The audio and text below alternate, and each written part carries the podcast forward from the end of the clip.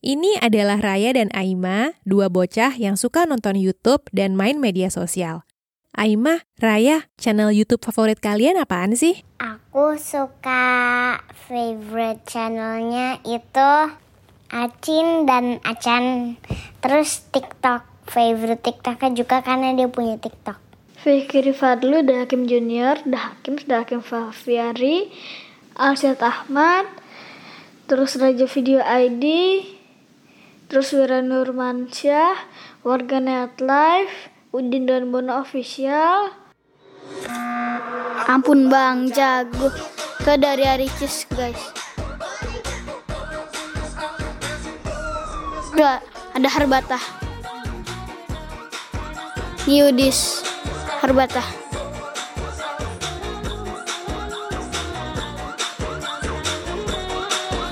Deddy Corbuzier.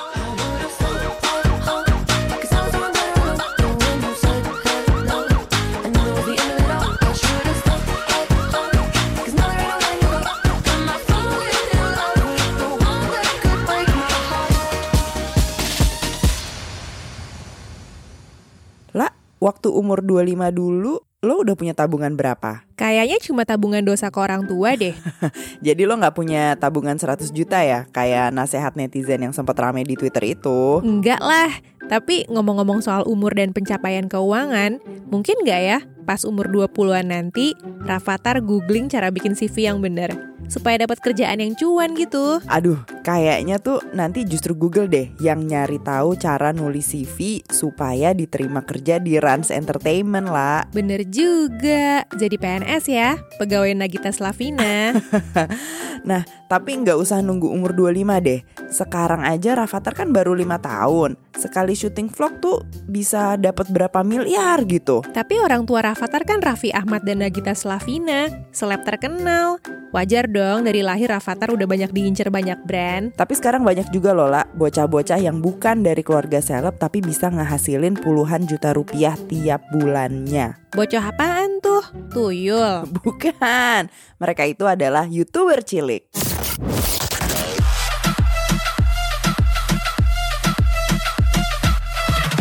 Gue Dara, gue Laila, and this is Kejar Paket Pintar.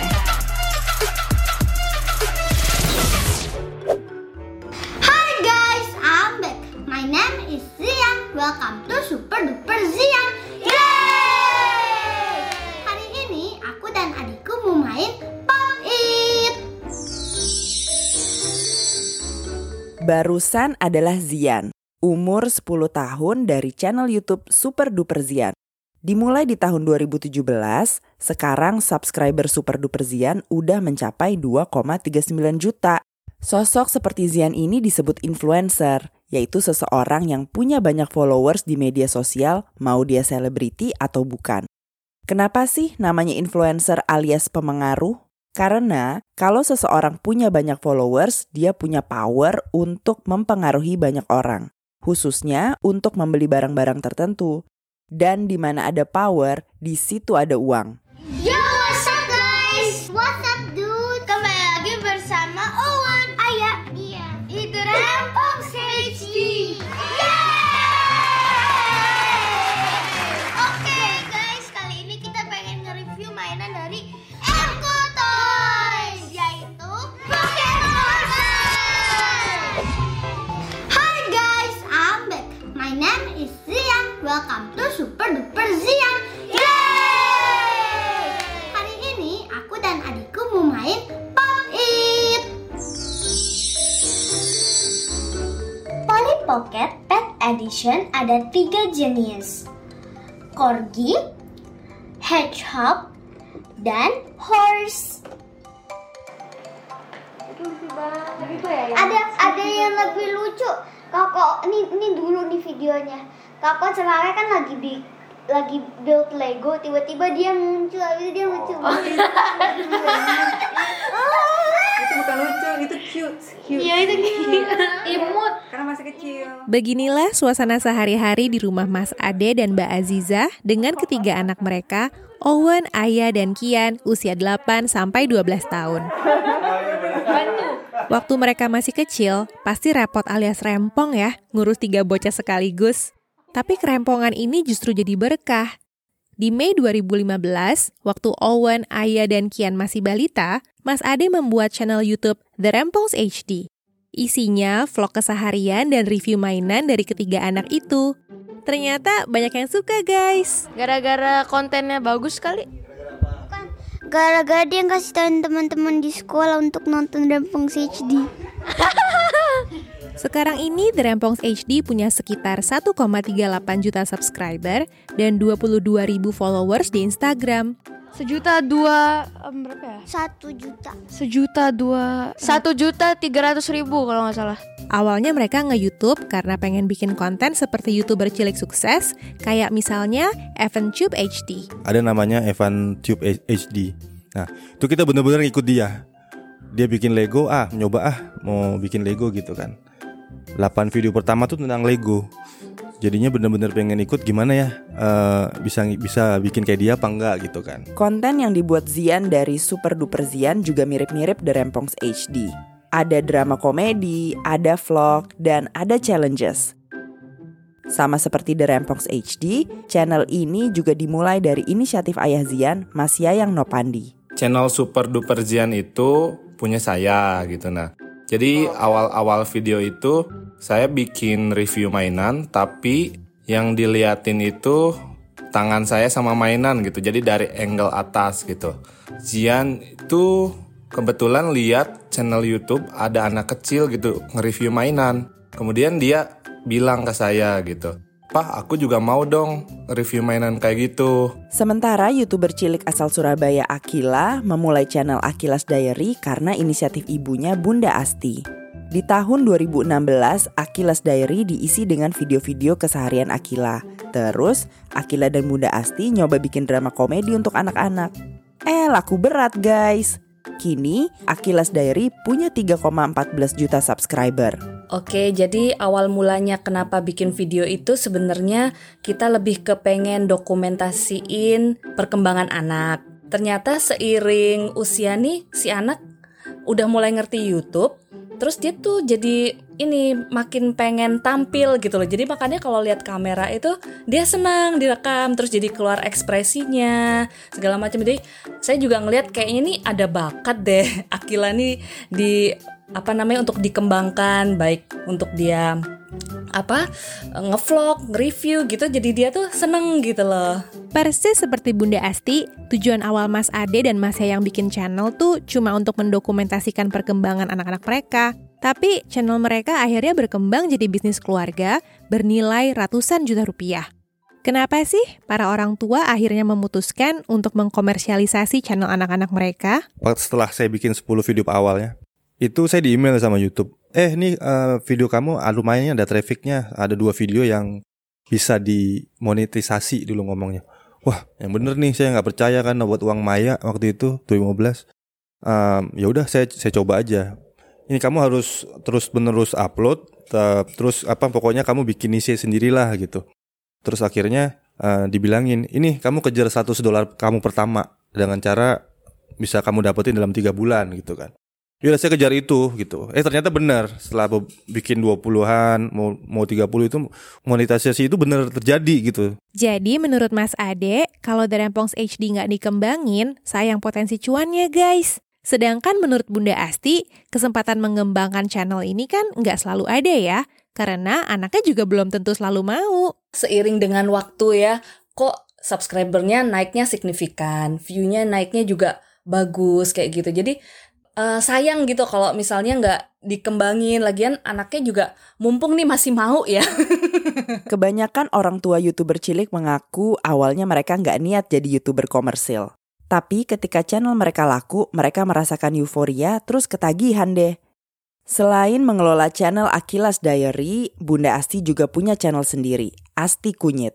Sementara untuk keluarga Zian, selain channel Super Duper Zian, mereka punya channel Dunia Kyo yang dibintangi adik Zian, channel Malano Pandi yang dibintangi Mama Zian, serta channel Keluarga Zian. secara konten isinya udah beda-beda gitu. Kalau Zian kan lebih fokus ke review mainan, kalau Kyo ke homeschooling, kalau mamanya ke kuliner gitu. Nah, kalau keluarga Zian ini lebih ke apa ya? Aktivitas-aktivitas seru gitu, challenge-challenge gitu. Belakangan berbagai brand besar ataupun kecil memang rutin pendekatan ke para influencer cilik untuk ngajak mempromosikan produk mereka. Soalnya walaupun masih kecil, influencer cilik kan penentu selera rakyat ya. Data dari Kids Digital Insight tahun 2019 bilang, tiap tahun influencer cilik bisa mempengaruhi 7 dari 10 anak untuk beli produk yang mereka promosikan online. Jadi nggak heran ya kalau sekarang banyak anak-anak bercita-cita jadi influencer.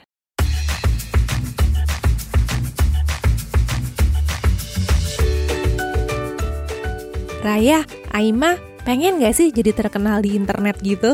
Ya pengen lah, kan pengen jadi penyanyi. Kalau Aima punya channel YouTube, Ya, itu- mau diisi apa? Isinya tuh kayak bisa ak- ak- aku kan pengen juga bikin film gitu kayak jadi kayak main film gitu. Terus nanti kayak aku ceritain pas aku lagi syuting, terus aku aku ceritain aku lagi main game gitu loh. Terus aku itu terus storytelling yang serem-serem, terus kasih kejadian serem gitu. Raya kepengen jadi YouTuber nggak? Pengen karena jadi youtuber asik biar banyak orang yang tahu nama aku. Kenapa pengen terkenal? Karena nggak tahu aja udah kan kalau dari YouTube bisa dapat fulus, bisa dapat uang, Menurut Raya gimana cara dapat uang kalau jadi YouTuber? subscribernya banyak. Riset dari UCLA Children's Digital Media Center menunjukkan ketenaran adalah hal penting bagi anak usia 9-15 tahun. Banyak anak senang kalau jadi tenar, termasuk Owen, Kian, Aya, dan Akila. Mereka bilang, salah satu enaknya jadi YouTuber adalah bisa jadi terkenal. Ya enaknya jadi kayak kayak orang minta foto gitu. Iya, pas pertama kali ada orang minta kita foto, kita bilang kayak gini, eh ngapain ya orang minta kita foto kayak gitu. Kalau Akila gimana? Enaknya itu em, bisa dapetin banyak temen. Yang pertama, terus habis itu setiap Akila pergi tuh pasti ada, nggak pasti sih, ada kayak yang minta foto atau minta kenalan gitu. Jadi terkenal memang asik ya. Siapa sih yang gak seneng dikenalin dan dipuji oleh orang asing di jalanan karena konten yang kita bikin? Asalkan dikelola dengan baik, banyak kok sisi positif jadi influencer atau konten creator cilik. Misalnya, anak jadi belajar tentang entrepreneurship, bisa jadi lebih kreatif, bisa belajar teknik syuting, ngedit, public speaking, bisa mempererat hubungan keluarga, dan banyak lainnya. Kalau menurut semua orang tua YouTuber cilik yang kami wawancara, keuntungan nge-YouTube adalah nambah pede anak-anak mereka. Kalau buat saya sih dia bisa lebih pede aja sih. Terus ngomongnya juga bisa lebih lancar gitu. Public speaking skillsnya naik juga gitu. Lebih pede lah intinya. Positifnya, boleh percaya boleh enggak, Akila tuh anaknya pemalu.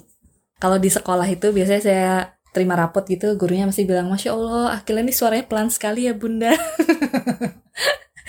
Jadi banyak keuntungan setelah dia nge-youtube, itu di depan umum jadi lebih pede. Tapi kayaknya keuntungan yang paling terasa dari menjadi influencer sukses adalah jadi nambah cuan guys.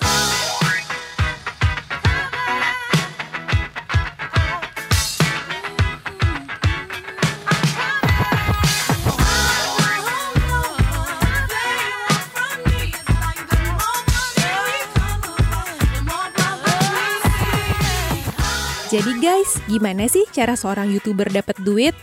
Pertama, seorang YouTuber bisa dapat gaji rutin dari Google AdSense alias lapak iklan YouTube itu sendiri.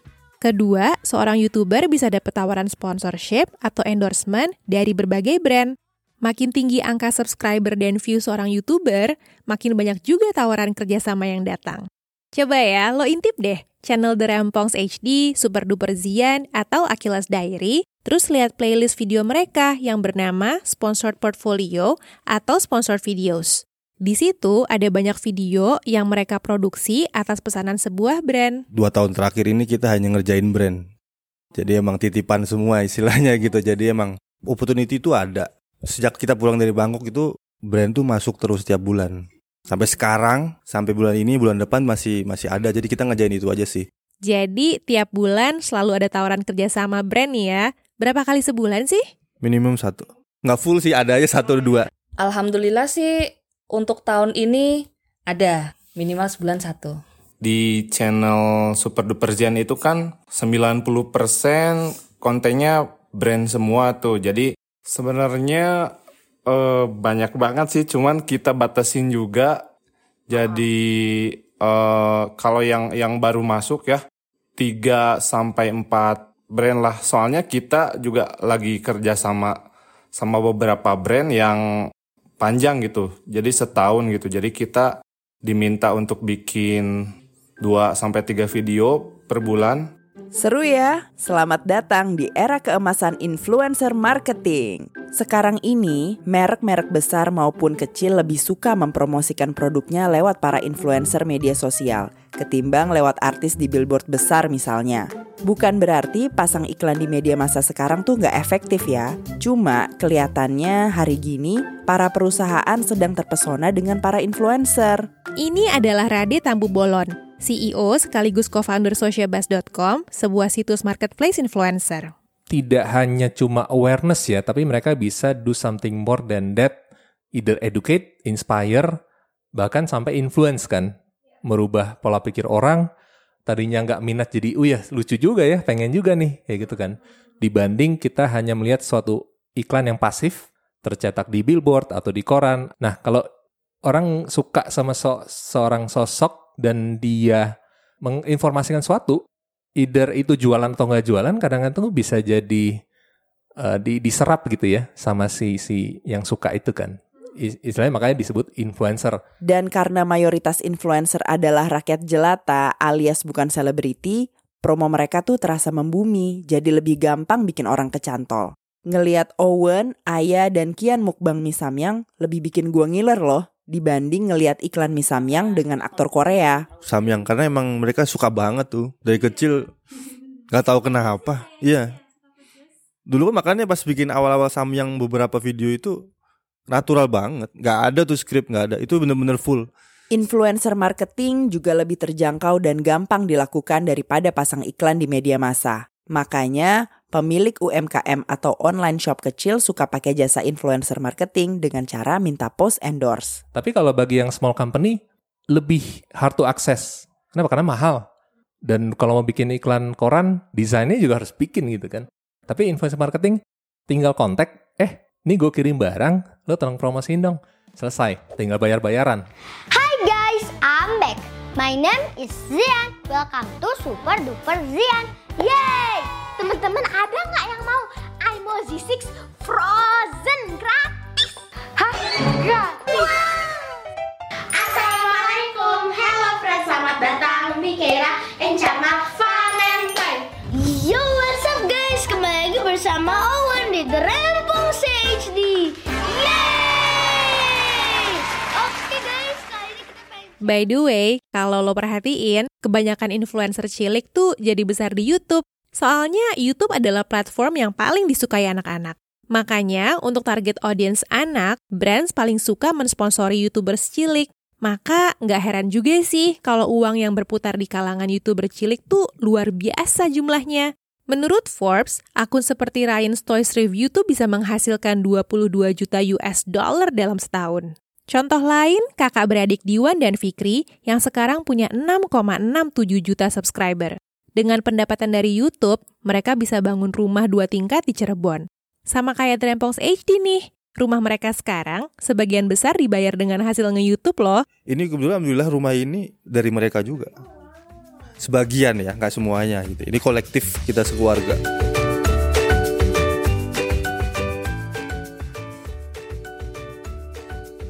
Aimah, Raya, pernah nggak sih ngeliat youtuber ngiklan produk-produk gitu di video mereka? Lah enggak, tapi di TikTok tuh sering ada kayak gift-gift gitu, jadi tuh ada juga duit. Terus uh, uh, apa-apa kalau kalau ada yang kayak viral-viral gitu ceritainnya itu di TikTok kayak sosis cleanser candler sama cimori kan lagi viral banget itu. Kamu sendiri pernah nggak sih jadi pengen beli barang gara-gara dipromosin youtuber atau orang di sosmed gitu? Ada. Misalnya apa aja? Hmm, itu Lemonilo. Karena mie choco manis coklatnya pas, jadi bisa diminum setiap hari. Ini iklan apa nih? Lemonilo. Kok mie choco? Ya choco kan dari lemonilo. Jadi Eh salah. Iya tapi kan itu berkolaborasi dengan lemonilo. Maksudnya minumannya dari perusahaan Lemonilo. Iya. YouTube sendiri sadar banget platform mereka adalah sarangnya para influencer cilik yang punya pengaruh besar sehingga jadi magnet bagi banyak brand. Jadi, YouTube tuh proaktif mendorong para orang tua YouTuber cilik untuk rajin bikin konten, terus cuan sebanyak-banyaknya deh. 2015 awal itu yang benar-benar kita dikasih workshop sama uh, YouTube dikasih tahu gimana cara men nge-push revenue gitu kan. Bukan buat mereka kan revenue ya. Buat kalau buat kita kan ya udah kita bikin konten di- dibayar gitu suka. Tapi kalau buat YouTube dia kayak ngasih tahu kita gimana uh, bikin konten secara kontinu ya dan menghasilkan Salah satu tujuan pembinaan dari YouTube adalah agar para YouTubers bisa menentukan rate yang terbaik. terus dikasih kayak uh, latihan-latihan gitu gimana kita menentukan rate cardnya dengan apa namanya kita disuruh bikin deck produk deck gitu jadi kita tuh memang udah dibekalin sama YouTube nggak bisa dimain-mainin sama brand Tapi nggak cuma taktis nentuin harga. Kata The Rempongs HD, influencer juga harus taktis dalam nerima tawaran kerjasama. Bayangin misalnya bulan ini mereka mengendorse sebuah merek es krim buah.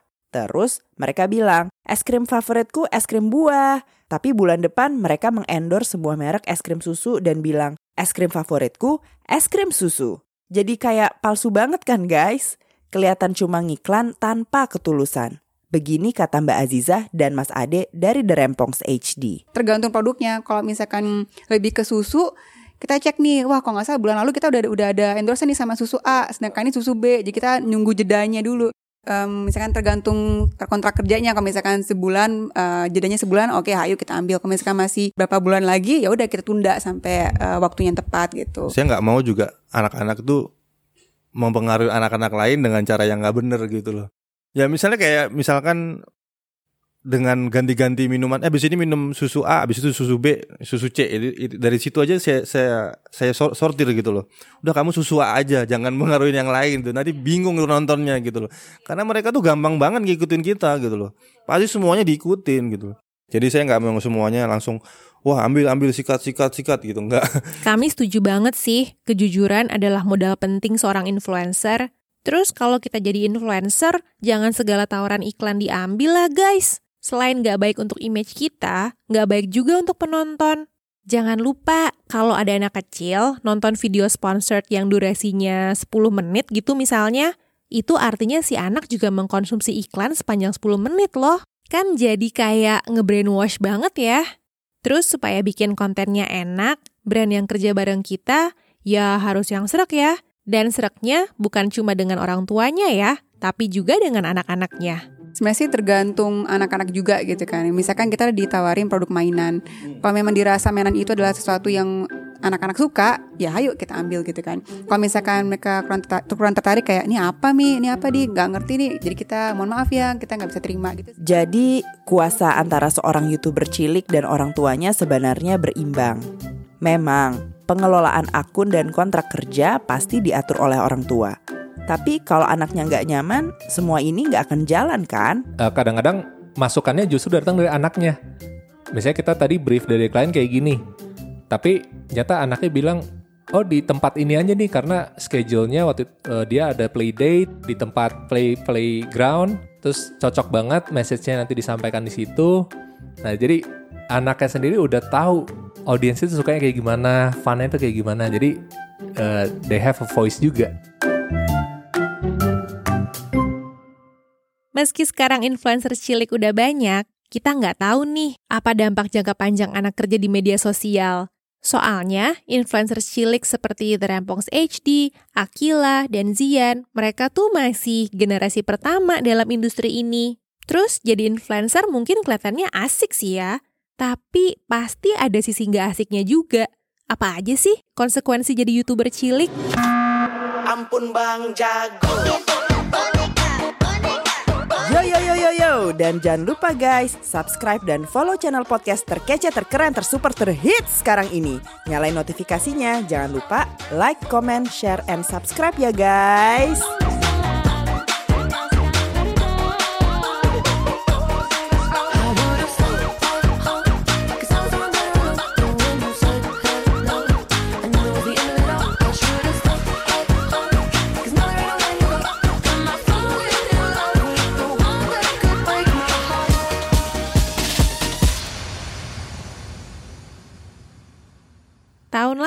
Raya, yang sebenarnya tuh anak gue, ngotot banget bikin channel YouTube.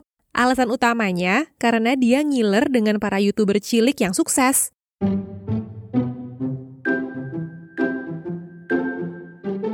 Akibatnya dia kecewa tuh ketika akhirnya channel YouTube-nya ya sepi-sepi aja.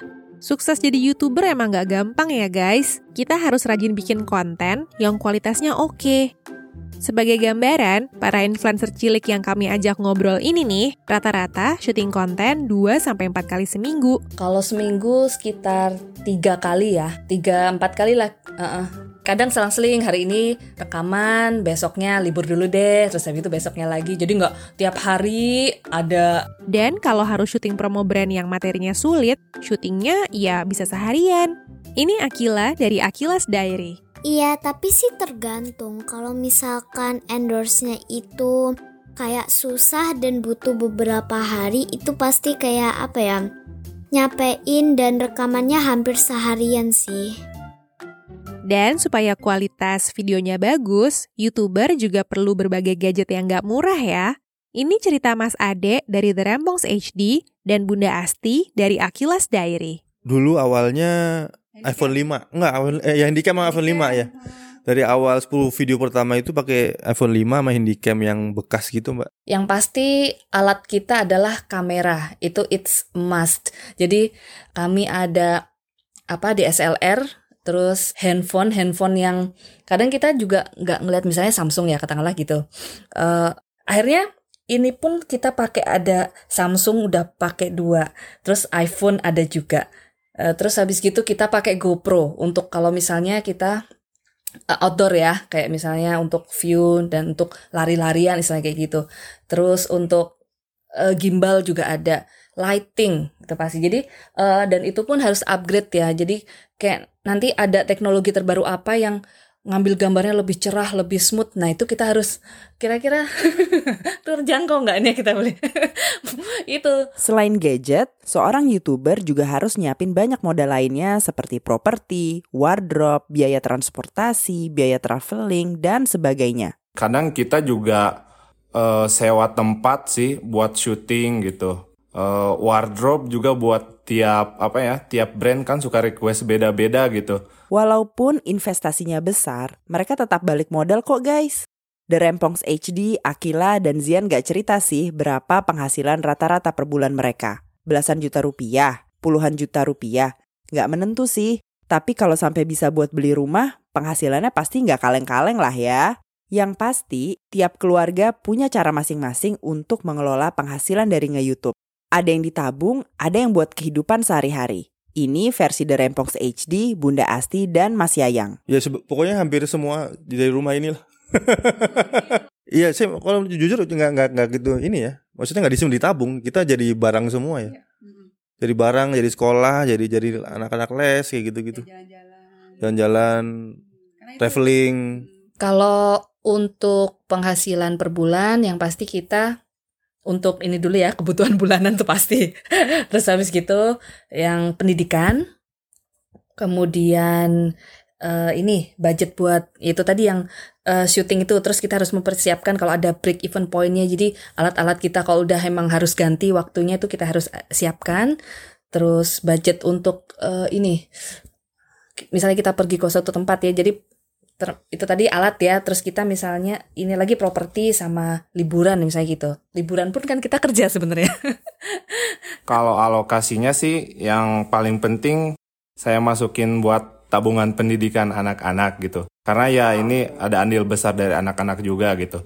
Terus sisanya ditabung juga. Ada kesimpulan menarik dari ketiga statement itu Akila, Zian, maupun Owen Aya dan Kian gak ada yang mendapatkan gaji tetap atau punya tabungan deposito yang khusus dikunci untuk mereka dari penghasilan nge-YouTube. Gue jadi inget nih sama yang namanya Coogan Act di Amerika. Jadi dulu di tahun 1920-an ada aktor cilik di Hollywood bernama Jackie Coogan. Sebagai aktor cilik, dia sukses banget sampai menghasilkan jutaan dolar.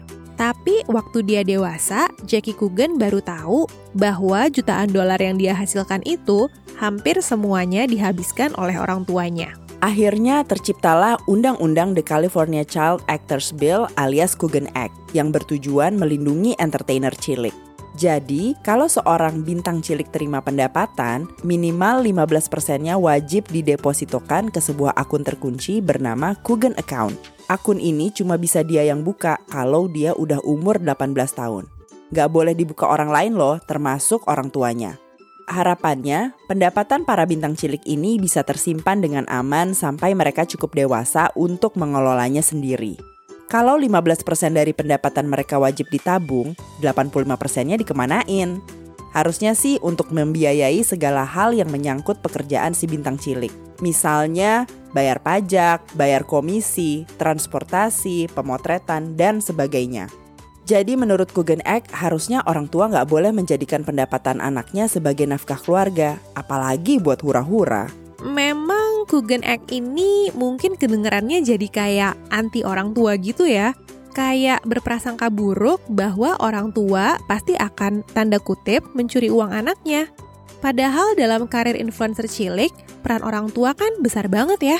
Orang tua yang syuting, yang ngedit, sampai ngurus kontrak kerja.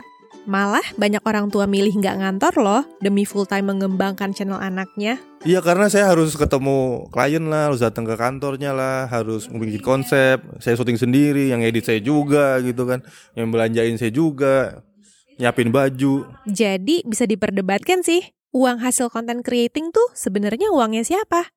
Ortu atau anaknya? Sebenarnya sih mereka juga nggak nggak gitu ngerti tentang yang kayak berapa yang kita terima gitu kan. Nominal gitu mereka nggak tahu. Iya, kan karena kita dari dari mereka kecil kita juga bukan tipikal orang tua yang dikit-dikit duit, dikit-dikit duit nggak kayak gitu gitu kan. Maksudnya yang kayak um, Oke, okay, yuk kita ngelakuin ini sama-sama. Nanti uh, kamu maunya apa? Misalkan maunya rewardnya, uh, rewardnya apa? Jadi they they have to do something. Uh, dalam arti bukan kita nggak mau memaksakan mereka untuk melakukan sesuatu, tapi mereka ngerti bahwa in order to get something mereka harus uh, melakukan sesuatu gitu sih, misalkan ada usahanya gitu dan usaha yang mereka mau lakukan gitu bukan bukan usaha yang mereka memang dipaksa seperti itu. Senada dengan Mbak Aziza, Mas Yayang cerita, Zian juga mendapatkan jatah pendapatannya bukan sebagai gaji, tapi sebagai reward kalau Zian bikin konten dengan lancar. Kita ada sistem reward gitu buat Zian. Pertama dia tuh tiap kalau video dia dapat poin gitu. Nah po poin itu nanti bisa dipakai buat apa?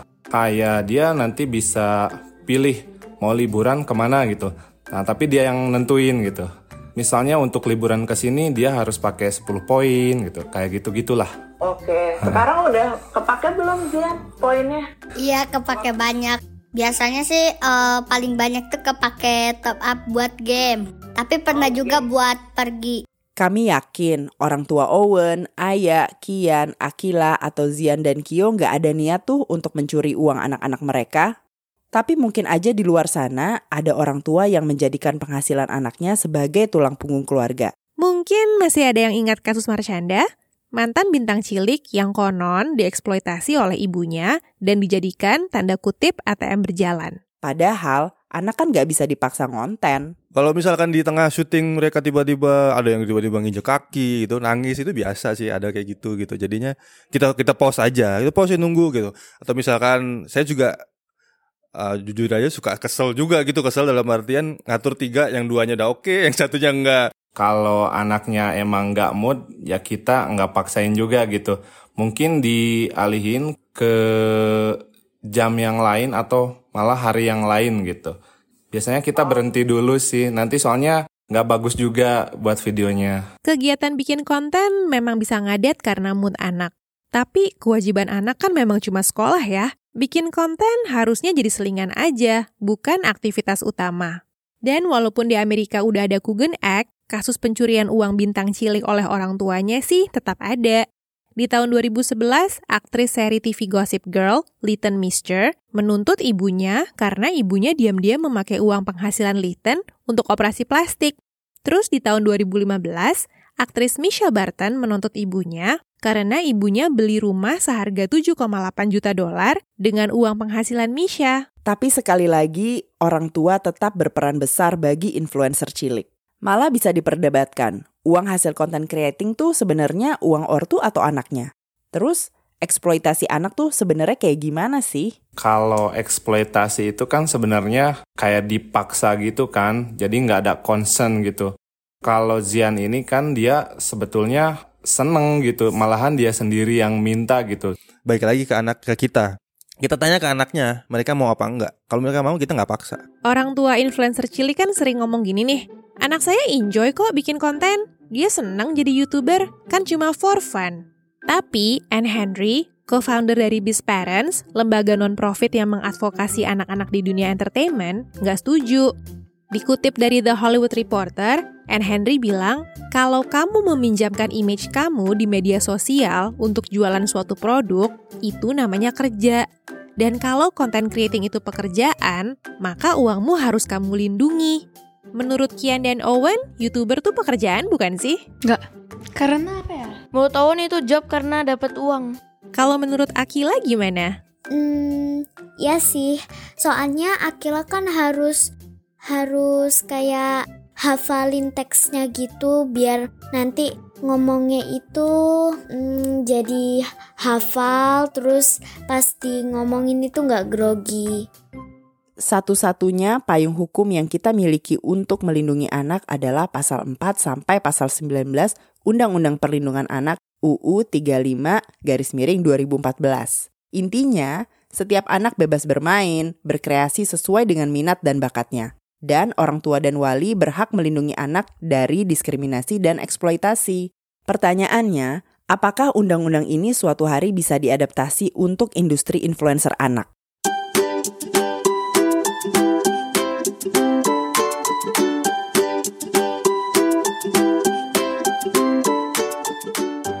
Tahun 2019, YouTube ketiban sial. Jadi, Komisi Perdagangan Federal di Amerika Serikat nemu indikasi bahwa YouTube Kids telah mengumpulkan dan membocorkan data anak-anak penggunanya. Artinya, YouTube melanggar Undang-Undang Perlindungan Privasi Online Anak. Undang-undang ini melarang platform online apa pun mengumpulkan data-data anak di bawah umur 13 tahun. Akibatnya, YouTube didenda ratusan juta US dollar dan diminta memperbaiki sistem mereka untuk menjaga privasi anak-anak.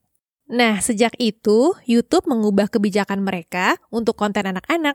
Pertama, seorang pengelola akun alias si YouTuber harus nentuin video mereka ditargetkan untuk anak-anak atau bukan. Kalau target penonton si YouTuber memang anak-anak 13 tahun ke bawah, dia harus ngeset videonya sebagai made for kids. Kalau sebuah video di set made for kids, fitur video itu bakal dibatasi. Misalnya, kolom komentar ditutup, tombol like dislike nggak berfungsi, dan iklan yang dipersonalisasi jadi nggak boleh ditayangkan ke anak-anak. Artinya, si YouTuber bakal kehilangan sebagian pemasukan iklannya. Dan tanpa kolom komen, engagement dari penonton juga jadi nggak ada. Hi, I'm Lauren, the head of family partnerships at YouTube. On the watch page of any video made for kids, you'll no longer see personalized ads. You'll also notice comments, live chat, notifications, and playlisting turned off. Perubahan ini dianggap merugikan para YouTuber kids seperti kata Mas Yayang dan Bunda Asti. Komen dihilangin itu lumayan meng menghilangkan interaksi juga gitu antara kreator sama penontonnya gitu. Kemudian yang paling kerasa sih ya itu iklannya dibatasin gitu. Jadi kita tuh penghasilannya berkurang sebesar 90%. Kalau untuk pendapatan iya. Jadi semenjak ya semenjak ada peraturan itu kan karena iklan juga dibatasi, terus habis itu notifikasi yang lonceng itu nggak bisa, terus pokoknya banyak lah yang diambil sama YouTube ini keuntungan-keuntungan buat kita. Dan itu langsung ngedrop signifikan banget. Mau nggak mau, orang tua para YouTuber cilik harus bikin taktik taktik Bunda Asti dan Mas Yayang sama, yaitu bikin channel baru yang gak masuk kategori kids. Ya gini, makanya itu kenapa akhirnya membuat channel Asti Kunyit.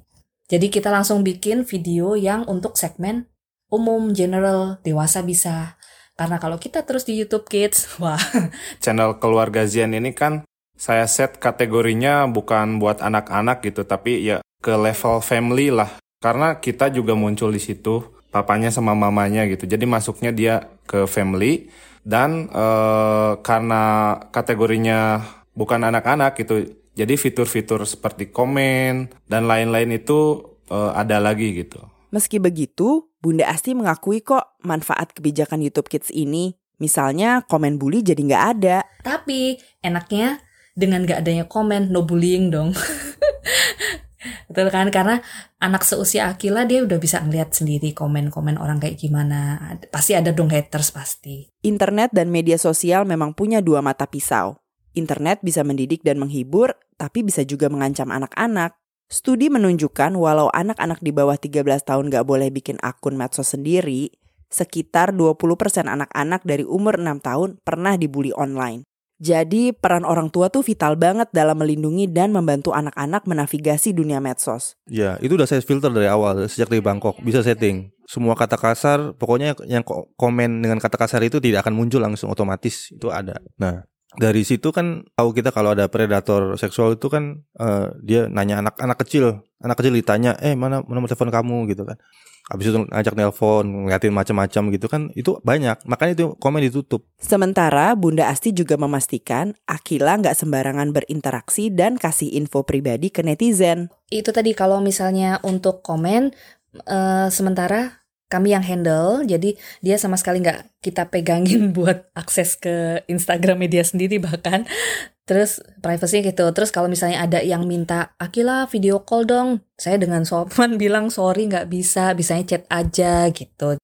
Nah, terus ada juga yang nanya alamatnya di mana sih Akila, sekolahnya di mana, paling sering kayak gitu. Ya terpaksa nih, akhirnya kita ya Oh, misalnya Jawa Timur, misalnya Jawa Timurnya di mana? Oh, di Surabaya. Surabaya alamatnya di mana? Sorry, habis itu stop, saya nggak bisa jawab. Karena itu udah masuk ranah privacy. Nah, gitu aja sih sebenarnya covernya. Kata Rade Tampu Bolon, keamanan para influencer cilik memang sepenuhnya di tangan orang tua masing-masing. Jadi pengawasan mereka nggak boleh kendor. Soalnya ngejaga keamanan di internet tuh tricky banget guys. Dunia cyber ini kan banyak orang jago-jago gitu ya. Kadang-kadang susah balancing itu. Terlalu open, terlalu too much information. Dari vlognya atau apanya kita tahu, ini tinggalnya di sini nih misalnya gitu kan. Ah tuh iya nih, no, mobil nih kelihatan nih atau segala macam. Sekolahnya nih. Nah itu sih mungkin butuh edukasi di hal itu juga ya dari sisi parents ya harus lebih hati-hati sih. Tips barusan pun sudah dipraktekkan oleh Mas Yayang. Uh, buat jaga privasi kita biasanya lakuin hal-hal kayak sensor plat nomor, plat nomor kendaraan ya maksudnya. Terus kita juga jarang sih video bikin video di area bagian luar rumah gitu biar nggak terlalu biar nggak kelihatan gitu rumah kita tuh yang mana gitu.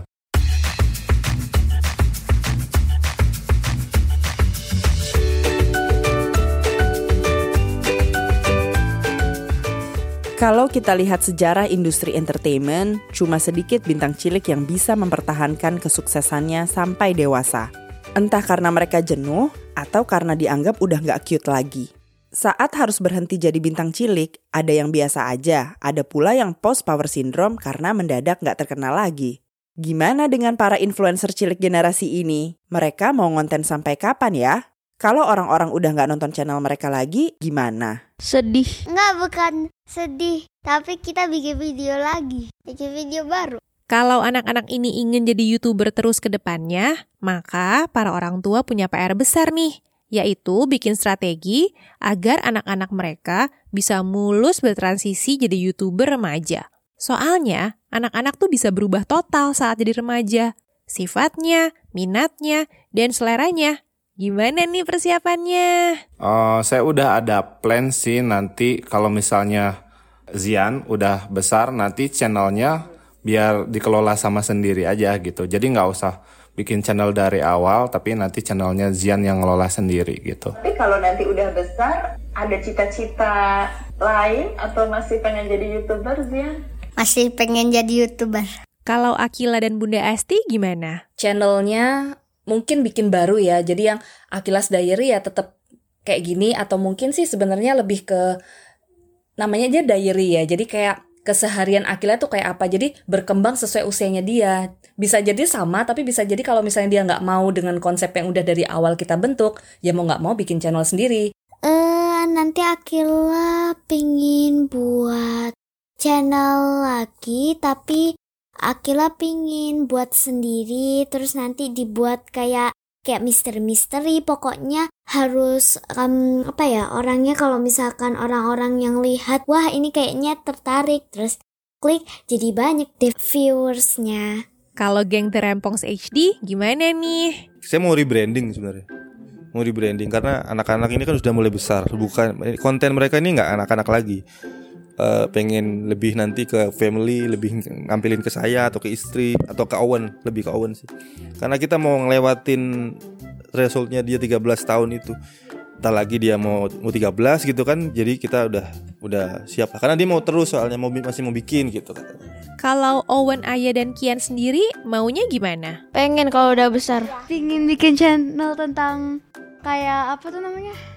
kayak gambar-gambaran kayak gitu, kayak animasi kayak gitu. Pengen bikin eh, channel, abis itu diisi channelnya ada unboxing, eh, main gaming, abis itu eh main gaming-gaming kayak gituan, sama mukbang. Anak-anak generasi sekarang lahir, tumbuh, dan mengekspresikan diri dengan internet. Jadi, industri konten kreator anak nggak mungkin dibendung. Kalau seorang anak jadi influencers, artinya dia belajar jadi wirausahawan karena kegiatan kontennya adalah pekerjaan yang dimonetisasi. Cepat atau lambat, dia akan tahu soal uang yang dia dapatkan. Kalau sudah menyangkut uang dan kesejahteraan anak, industri ini perlu regulasi yang matang untuk melindungi influencer dari berbagai resiko. Misalnya, gimana cara agar influencer cilik mendapat pendapatannya dengan adil? Seberapa banyak data-data anak yang ditambang oleh internet? Jejak digital tuh abadi loh, dan akan terus mengikuti si anak sampai dia besar. Terus, apakah industri ini bisa dianggap eksploitasi? Yang pasti, anak-anak tuh nggak butuh uang, mainan, dan ketenaran sebanyak itu kok untuk bisa tumbuh dengan baik, ya kan? Yang butuh kan orang tuanya. Jadi, orang tua harus ingat nggak ada kewajiban bagi anak untuk terus jadi influencer. Tapi kalau berkarya sih harus jalan terus dong. Cuan gak cuan, terus berkreasi ya guys. Dan jangan lupa guys, subscribe dan follow channel podcast terkece, terkeren, tersuper, terhits sekarang ini. Kami kejar paket pintar. See you! Youtuber cilik, youtuber cilik, youtuber cilik. Baby Beljuo, Meka Desma Itza Cantika, detailkan Jo Sakura Chan Muntas Halilintar. Youtuber cilik, youtuber cilik, youtuber cilik Keira Rineo Jara Leola Kevin Kahuni Alisa Kahtan Halilintar Fikri Fadlu Almedia Naya Rajevan Natanio Sinja Firsa Tasya Rashid Fateh Halilintar Aska Hairani Queen Salman